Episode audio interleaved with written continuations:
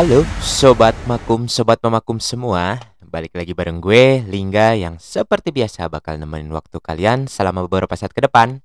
Cuma di Salam Makum, Salam Mahasiswa Hukum Indonesia. Sobat Makum, Sobat Makum semua Edisi podcast kali ini bakalan bahas mengenai hal-hal penting yang perlu diperhatikan dalam pembuatan perjanjian bisnis internasional. Siapa tahu kita semua bakalan ngedraft perjanjian-perjanjian yang uh, sifatnya multinasional ya. Amin.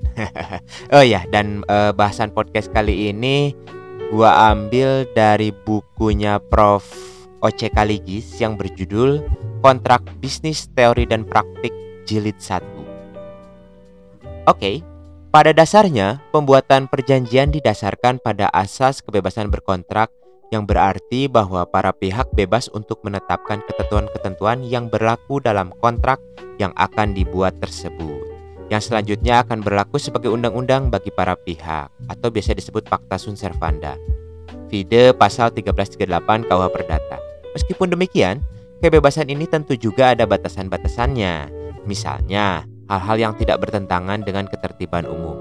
Dalam hukum perdata internasional, beberapa hal penting yang perlu dikuasai sebelum membuat perjanjian bisnis internasional adalah satu titik-titik pertalian, dua status personal, tiga ketertiban umum, empat pilihan hukum, lima pilihan forum, dan enam kualifikasi atau pengertian dan penggunaan bahasa hukum asing, misalnya bahasa hukum Inggris.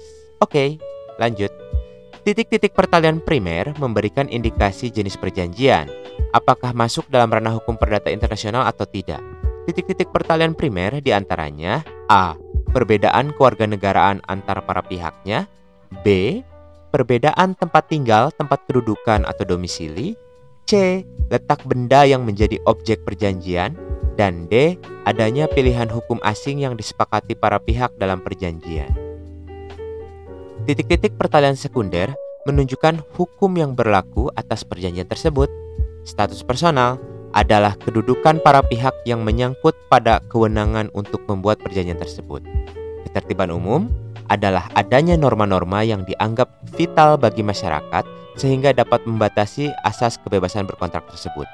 Pilihan hukum adalah pilihan hukum negara mana yang dipilih oleh para pihak sebagai governing law atau hukum yang mengatur perjanjian tersebut, pilihan forum adalah pilihan forum penyelesaian sengketa oleh para pihak dan kualifikasi adalah batasan pengertian atas terminologi-terminologi hukum yang digunakan dan berdasarkan hukum yang berlaku atas perjanjian tersebut.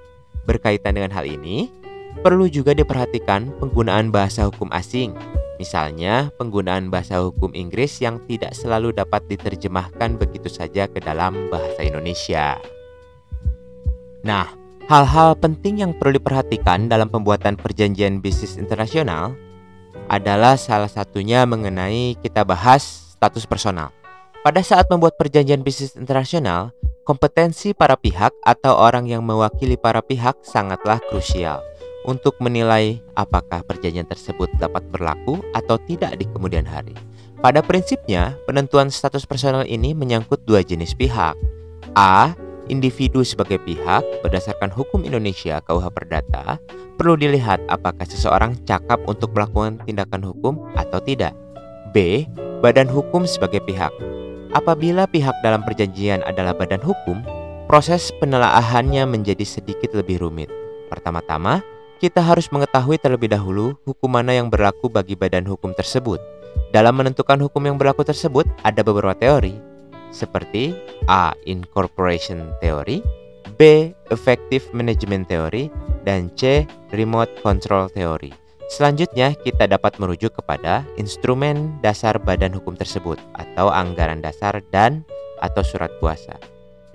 Pilihan hukum pada prinsipnya para pihak bebas menentukan pilihan hukum ini.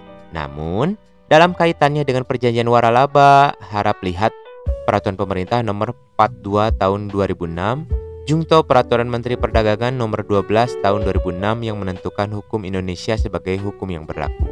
Pilihan hukum adalah salah satu unsur paling penting karena hal ini akan berpengaruh pada implementasi perjanjian tersebut, terutama dalam hal interpretasi klausula-klausula dari perjanjian terkait.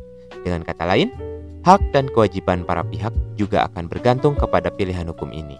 Selain itu, pilihan hukum juga akan menentukan keabsahan perjanjian.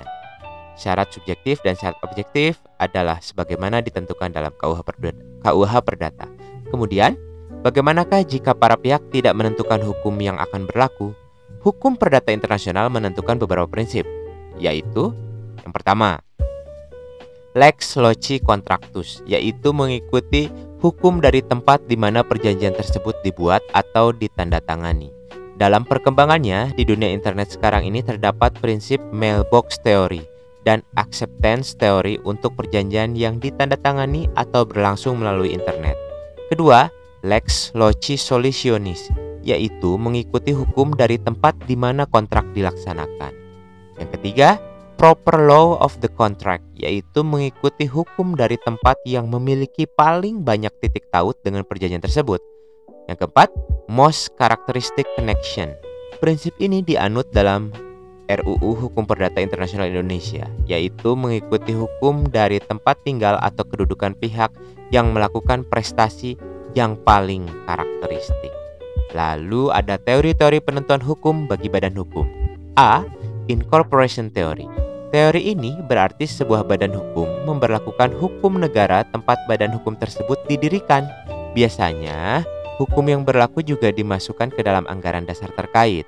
Contoh negara-negara yang menurut teori ini adalah Inggris, Belanda, dan negara-negara Skandinavia. Teori ini bertentangan dengan real seat theory, di mana acuan hukum yang berlaku adalah hukum negara, di mana badan hukum tersebut memiliki kantor pusat. Teori ini dianut oleh Prancis dan Jerman. Dalam real seat theory, yang menjadi titik pusat adalah tempat berlangsungnya kegiatan badan hukum tersebut. Hal ini didasarkan pada asumsi bahwa perlindungan maksimal perlu diberikan kepada para pemegang saham, kawan usaha, kreditor, pegawai, dan pihak terkait lainnya yang berada di sebuah negara tertentu. Namun, mengingat kemajuan teknologi dan pesatnya perkembangan dan hubungan bisnis antar negara, teori ini menjadi kurang tepat karena pihak-pihak yang terkait dengan kegiatan bisnis sebuah badan usaha bisa saja berada di berbagai negara yang berbeda. Contohnya, sebuah perusahaan Amerika bisa saja memiliki usaha utama di Amerika, di Amerika Serikat, kemudian mendistribusikan hasil kerjanya ke negara-negara lain, dan memiliki customer relation office yang berbasis di India, mengingat adanya perbedaan signifikan pada tingkat biaya gaji pegawai. Lalu, effective management theory. Effective management theory berarti bahwa hukum yang berlaku mengikuti tempat di mana pengurusan badan hukum tersebut efektif dilaksanakan. Hal ini juga memerlukan penelaahan yang mendetail atas lokasi manajemen sebuah badan hukum. Teori ini mengikuti prinsip-prinsip sebagaimana terdapat dalam real estate theory. Dan lalu C, remote control theory. Remote control theory serupa dengan teori real estate atau effective management. Hanya saja, yang menjadi titik penentu dalam teori ini adalah tempat pembuatan keputusan atau kendali atas badan hukum tersebut.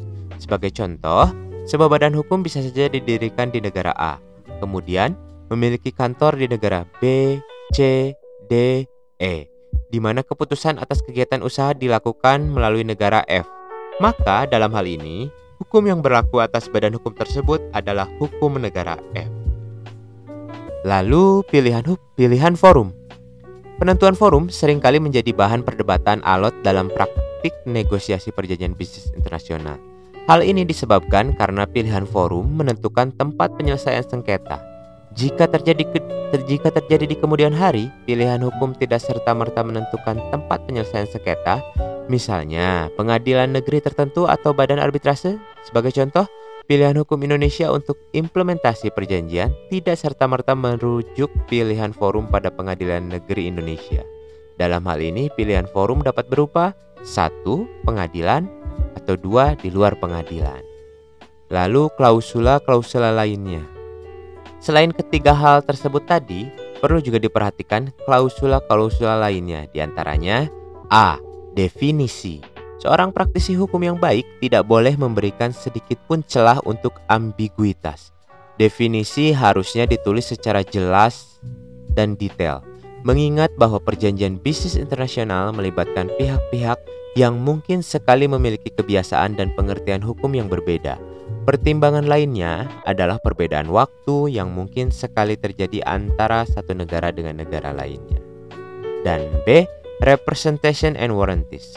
Sebagaimana telah disebutkan sebelumnya, klausula ini sering kali dibutuhkan untuk memberikan jaminan bahwa perjanjian telah dibuat dan akan dilaksanakan dengan itikat baik dan sesuai dengan hukum yang berlaku bagi masing-masing pihak, perlu diingat bahwa klausula ini sering muncul pada perjanjian bisnis internasional mengingat dasar hukum bagi para pihak yang dapat berbeda-beda. Nah, sobat makum, sobat makum semua, itu dia bahasan mengenai edisi podcast kali ini yang lebih menitik beratkan pada hal-hal yang harus diperhatikan ketika kita membuat perjanjian bisnis internasional. Mudah-mudahan eh, dengan ed hadirnya edisi podcast kali ini bisa menambah pengetahuan ataupun menjadi eh, pengingat bagi sobat makum dan mamakum semua.